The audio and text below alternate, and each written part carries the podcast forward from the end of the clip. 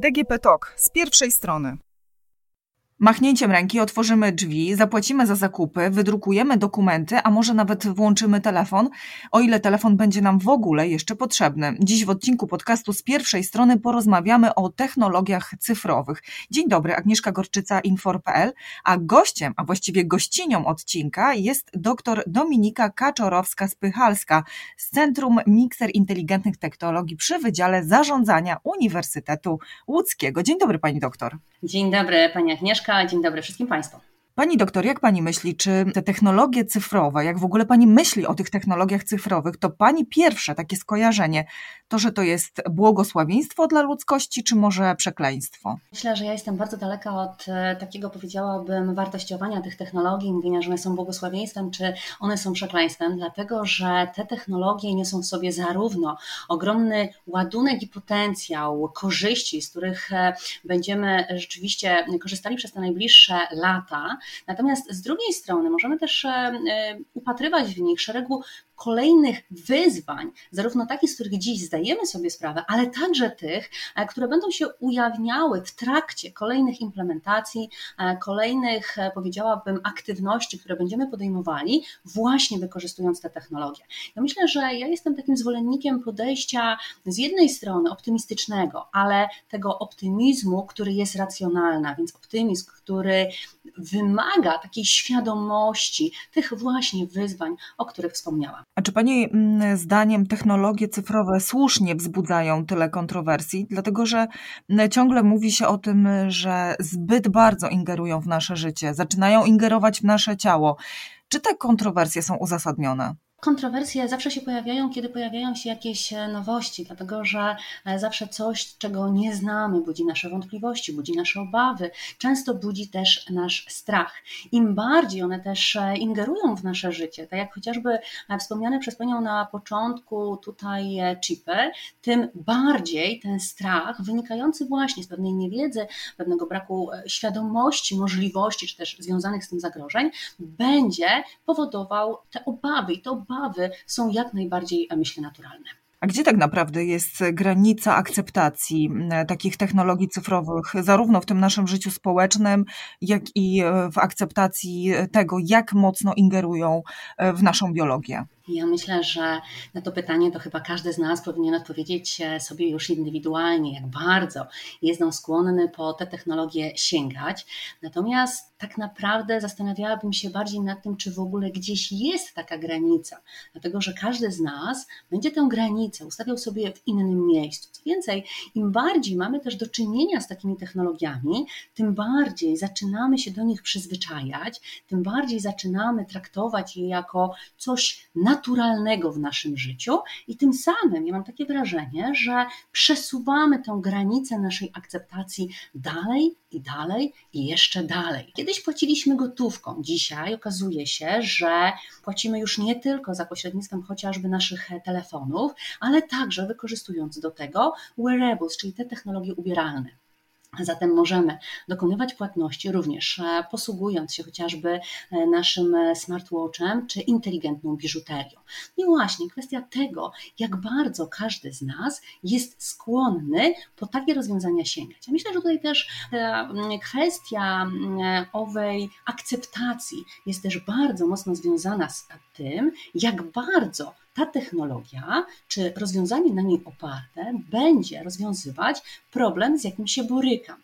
Jeśli mówimy teraz o owych chipach, to Badania, które przeprowadził Walletmore, to jest, e, dodajmy, firma, która zwalidowała swój e, chip płatniczy mniej więcej e, dwa miesiące temu. Ostatnie badania, które oni prowadzili, bardziej pod kątem tutaj, powiedziałabym, swojej analizy tego rynku i potrzeb, pod kątem właśnie tych chipów płatniczych, wskazały, że 47% Polaków, dodajmy, że to była próba reprezentatywna ogólnopolska, wyraziło zainteresowanie takim właśnie rozwiązaniem, przy założeniu, że nie będzie on ograniczać się tylko i wyłącznie do kwestii płatniczych, a zatem pojawią się tam również inne funkcjonalności, a także będzie to rozwiązanie e, udostępniane użytkownikom za darmo. No to jakby pokazuje, że ten poziom i to zainteresowanie ta akceptacja takich rozwiązań może być w przyszłości bardzo duża. Ale gdyby z drugiej strony też zerknąć na to, co dzisiaj o chipach się mówi, to widać bardzo mocno spolaryzowane dwie postawy. Z jednej strony są to wszyscy ci, którzy mówią, że to jest krok w przyszłość, że od pewnej cyborgizacji naszego społeczeństwa nie uciekniemy i że to jest właśnie to dobrodziejstwo, o którym mnie Pani na początku pytała, ale z drugiej strony mamy skrajny biegun i przedstawicieli, którzy mówią, że to jest no właśnie, znak e, zła, że to jest znak nadchodzącej apokalipsy i krok za daleko. E, krok, który może doprowadzić do sytuacji, w której no właśnie człowiek taki, jakim go dzisiaj znamy, będzie tylko wspomnieniem. Zobaczymy, jak będzie naprawdę. Myślę, Pani doktorze, to jest e, bardzo ciekawe, co Pani mówi, że tak naprawdę tą granicę akceptacji, dokąd ta technologia cyfrowa e, może ingerować e, w nasze życie, wyznaczamy w zależności od potrzeb. Ja faktycznie pod tym kątem nie myślałam, ale tak jest, że jeżeli dane rozwiązanie likwiduje albo przynajmniej zmniejsza problem, który mam w takim życiu codziennym, to jestem bardziej skłonna to zaakceptować niż jako taki po prostu dodatek. Pani doktor, a na czym polegają badania, które prowadzą Państwo wspólnie, Pani razem z profesorem Łukaszem Sułkowskim z Instytutu Spraw Publicznych Uniwersytetu Jagiellońskiego.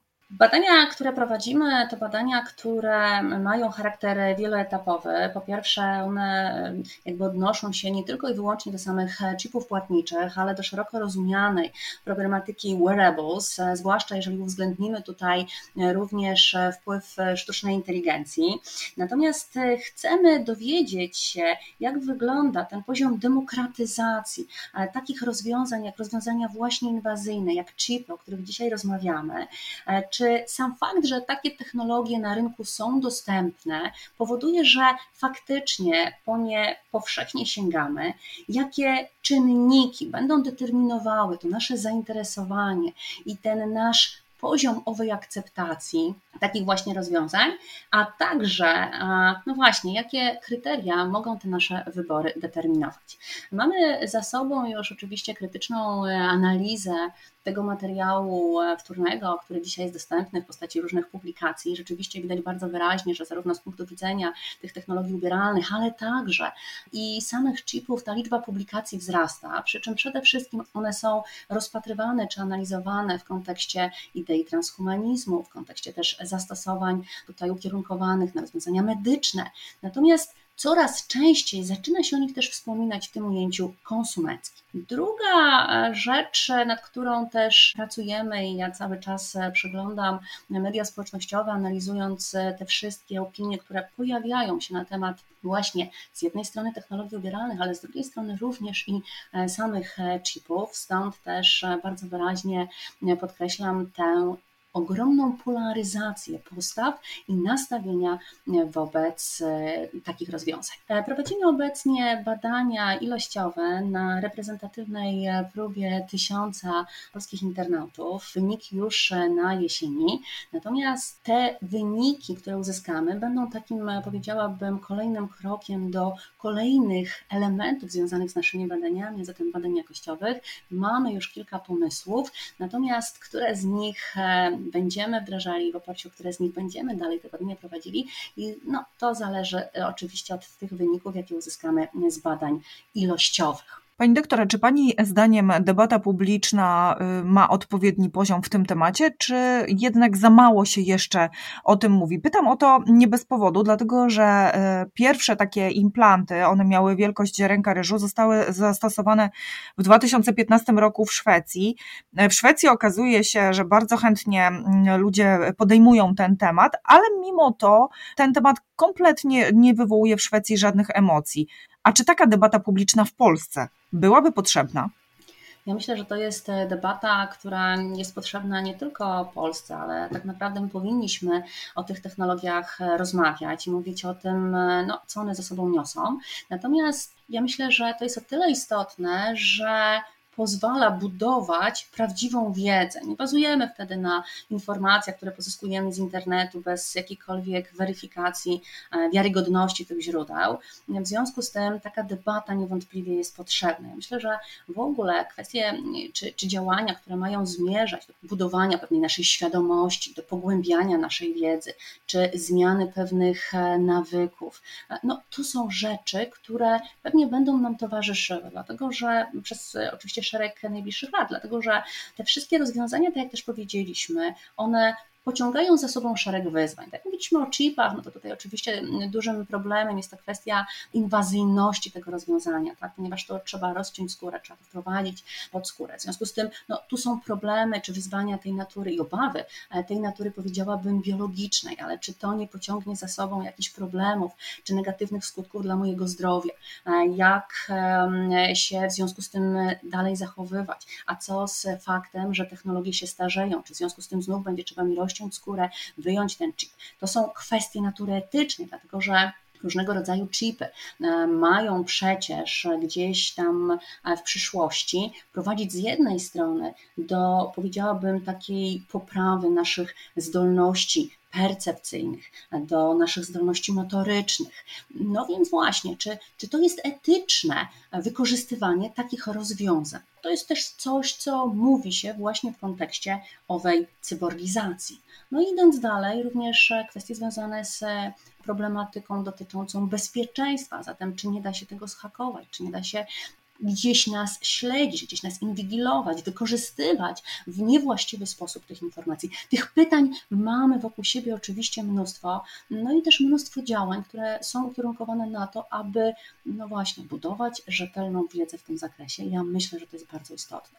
Jeśli spojrzymy jednak na tych Szwedów, o których Pani wspomniała, to tam mamy faktycznie już prawie 6 tysięcy Szwedów zaczipowanych. Faktycznie mm, ten proces cały czas trwa, chociaż jak wskazują eksperci, te kolejne przyrosty rok do roku, jeśli chodzi o kwestie związane z chipowaniem kolejnych osób, no są tutaj już coraz mniejsze. Ale może to jest też tak, i to jest też coś, co próbujemy zweryfikować w naszych badaniach, że nie zawsze jesteśmy gotowi na dane rozwiązanie, że czasem wymagą no właśnie pewnej dodatkowej wiedzy, pewnego upływu czasu, żebyśmy też mogli się o pewnych rozwiązaniach przekonać z punktu widzenia ich funkcjonalności, z punktu widzenia no właśnie takiego nabycia pewnego zaufania czy przeświadczenia, że to rozwiązanie jest dla mnie korzystne albo nie jest, ale właśnie, żebym potrafiła czy potrafił podjąć taką decyzję w sposób w pełni świadomy. Chciałabym się na chwilkę zatrzymać tutaj przy tych kwestiach e, zdrowotnych, dlatego że zdaniem Bena Libertona, mikrobiologia, zagrożenie tak naprawdę nową technologią jest realne, dlatego że Liberton ostrzega, że te implanty chipowe mogą powodować e, infekcje lub reakcję układu odpornościowego ale tak naj, naprawdę największe ryzyko, jak dodaję, jest związane z danymi zawartymi w chipie. I tutaj się potwierdza to, co pani wcześniej też mówiła, że jakiego rodzaju to będą dane, kto będzie miał do nich e, dostęp. Czy im więcej danych przechowywanych w jednym miejscu, to tym większe ryzyko, że te dane mogą być użyte przeciwko nam. Nie mamy odpowiedzi na, na te pytania. Ja myślę, że na wiele e, pytań jeszcze nie mamy odpowiedzi i pewnie nie będziemy ich mieli przez e, jeszcze długi czas. E, rzeczywiście odnosząc się do tego, co tutaj Pani powiedziała w kontekście wypowiedzi odnośnie tych, powiedziałabym, elementów związanych z wpływem na nasz organizm, no ja zwracam uwagę też na to, że oczywiście jak w przypadku każdego ciała obcego o takich wyzwaniach się tutaj mówi, czy to o takich problemach, ale z drugiej strony każde takie rozwiązanie, zanim zostanie wpuszczone na rynek, jest też testowane, weryfikowane właśnie pod kątem, e, powiedziałabym, tego poziomu bezpieczeństwa dla naszego organizmu. E, w związku z tym ja zakładam, że te chipy, które będą pojawiały się na rynku, no ten poziom, powiedziałabym, bezpieczeństwa dla naszego zdrowia czy życia będzie zagwarantowany. E, natomiast faktycznie tutaj jednym chyba z najbardziej takich kluczowych wyzwań jest kwestia danych, które w przypadku takich e, chipów mogłyby być e, na nich zapisywane, dlatego że my mówimy o bardzo szerokim spektrum możliwości. To nie musi być tylko i wyłącznie kwestia samych płatności, ale także kwestia na przykład zapisywania tam naszych danych osobowych, takich jak mamy na przykład w paszportach, dowodach osobistych, czy tutaj prawie jazdy. To mogą być dane, które będą dotyczyły tej naszej przestrzeni medycznej, a zatem czy jestem uczulona na coś, czy mam jakieś alergie, czy biorę jakieś leki, czy mam jakieś choroby przewlekłe. To mogą być również różnego rodzaju kwestie dotyczące e, chociażby pomiaru, e, czy to naszego ciśnienia, czy krwi, czy jakiejś takiej powiedziałabym e, wstępnej ogólnej analizy naszego zdrowia. Tych możliwości mamy mnóstwo, oczywiście te, no, o których też wspominałyśmy wcześniej, choćby w kontekście szwedzkim, a więc możliwości dostępu do określonych pomieszczeń, czy do określonych dokumentów, czy, czy uruchamiania określonych urządzeń. Więc rzeczywiście tego mamy całkiem sporo. I tutaj z drugiej strony warto wspomnieć też o takim, e, powiedziałabym, e, rozwiązaniu, które udało się stworzyć naukowcom z Columbia University. To jest e, najmniejszy taki mikrochip i on jest wielkości, jak oni mówią sami, roztocza kurzu, który umieszczony pod naszą skórą mógłby w sposób taki ciągły monitorować temperaturę, ciśnienie czy, czy poziom glukozy. Natomiast, tak jak powiedzieliśmy, najważniejszą rzeczą jest kwestia tego, kto będzie miał dostęp do tych danych, na jakich zasadach będzie do tych danych miał dostęp, kto będzie je gromadził, kto będzie je przechowywał, kto będzie nimi zarządzał. I myślę, że tutaj sporo jeszcze pracy przed nami. Pani doktor, ale jeżeli taki e, mikrochip jest wielkości tego roztocza, kurzu, to tak naprawdę nie mówimy w tym momencie o żadnym rozcięciu skóry, dlatego że to wystarczy tylko i wyłącznie ukłucie, prawda? Tak, e, ten e, mikrochip, o którym wspomniałam z naukowców Columbia University, tam rzeczywiście nie trzeba byłoby już rozcinać skóry, wystarczyłoby podać go no, na przykład strzykawką. Natomiast no, to jest rozwiązanie, które dopiero się pojawiło, nie jest jeszcze zwalidowane na rynku w żaden sposób. W związku z tym na razie mówimy o pewnych, powiedziałabym, działaniach takich instytucji naukowo-badawczych w kontekście ewentualnie poszukiwania pewnych rozwiązań czy pewnych funkcjonalności i próby odpowiedzi na potencjalne potrzeby rynku. No bo taki chip z punktu widzenia medycznego w przypadku których osób, na przykład chorych na cukrzycę, mógłby okazać się rozwiązaniem zbawiennym. No dobrze, a w takim razie, jak wygląda e, od strony technicznej płatność? Jeżeli mamy e, takiego e, chipa, chcielibyśmy nim zapłacić, to, to jest tak, że my jakoś musimy się połączyć z internetem, czy jeżeli w danym miejscu, w danym sklepie nie ma internetu, no to my też tym nie zapłacimy? Jak to działa? E, generalnie to jest e, od tej strony takiej technicznej, to oczywiście takie chipy to nic innego jak e, takie implanty, mikroprocesory, które będą działały w oparciu o technologię Near Field Communication, co oznacza, że to jest ta technologia bezdotykowa, bezprzewodowa. Ja z punktu widzenia takiego czysto, mm, no właśnie, technicznego przykładam rękę do autoryzowanego terminala, no i on wówczas łączy się za pośrednictwem fal radiowych w celu udostępnienia tych informacji cyfrowych, które są potrzebne właśnie do dokonania płatności. Natomiast e, coś, co jest bardzo istotne i bardzo często podnoszone właśnie w tej dyskusji dotyczącej chipów, to to, że te chipy tak naprawdę będą przesyłały te informacje na bardzo niewielkie odległości. Szczepione pod skórę przesyłają je na odległość od 1 do 4 centymetrów. Czyli generalnie ta ręka musi być bardzo blisko tego terminala, tak? Tak, zdecydowanie tak. Nie da się na odległość tego w żaden sposób e, zhakować, e, no nie ma takiej możliwości. Jeszcze, pani doktor. Tak, jeszcze. jeszcze. tak, dlatego ja też powtarzałam e, już wcześniej, że my na ten moment tak naprawdę rozmawiamy o pewnych wyzwaniach właśnie związanych z bezpieczeństwem, z naszym zdrowiem, etyką, kwestiami na przykład naszej inwigilacji bądź nie, przy wykorzystaniu różnych rozwiązań, bo nie tylko rozmawiamy w tym momencie o chipach, ale różnych technologii cyfrowych, rozwiązań na nich opartych, natomiast rozmawiamy w kontekście tego poziomu wiedzy, który dzisiaj mamy. Natomiast muszę pamiętać o tym, że każde kolejne rozwiązanie powoduje z jednej strony pogłębienie naszej wiedzy, naszej umiejętności posługiwania się tymi rozwiązaniami, ale też powoduje z drugiej strony kolejne wyzwania, które będą się pojawiały. I to jest znowu coś całkowicie naturalnego, no bo my jako społeczeństwo, czy jako użytkownicy, patrząc też na sposób taki indywidualny, będziemy się rozwijali i będziemy też oczekiwali kolejnych opcji, kolejnych rozwiązań. I znów wracamy tak naprawdę do tej kwestii indywidualnej granicy i przesuwania się tej indywidualnej granicy tego poziomu naszej akceptacji tego typu rozwiązań. Pani doktora, czy Państwo macie informacje, jak do tego powinny przygotować się firmy, typu na przykład Visa, która tutaj e, za płatności bezgotówkowe odpowiada, między innymi oczywiście na, na rynku, ale tych firm jest e, sporo. Czy z ich strony powinna być wdrażana jakaś technologia do obsługi tego typu płatności, czy to jeszcze na tym etapie na chwilę obecną nie mówi się? E, ja myślę, że to jest ta przestrzeń, która jest zdecydowanie do zagospodarowania, dlatego że z jednej strony mówimy o e, tej przestrzeni takich e, badań, pewnych pomysłów, pewnych kreatywnych rozwiązań, które na rynku się pojawiają, ale z drugiej strony to musi być rozwiązanie, które zostanie zaakceptowane z jednej strony przez konsumentów, ale z drugiej strony zostanie też zaakceptowane przez biznes. Te wszystkie elementy muszą ze sobą współgrać. O tych rozwiązaniach oczywiście się mówi, na te rozwiązania oczywiście zwraca się dzisiaj już e, uwagę.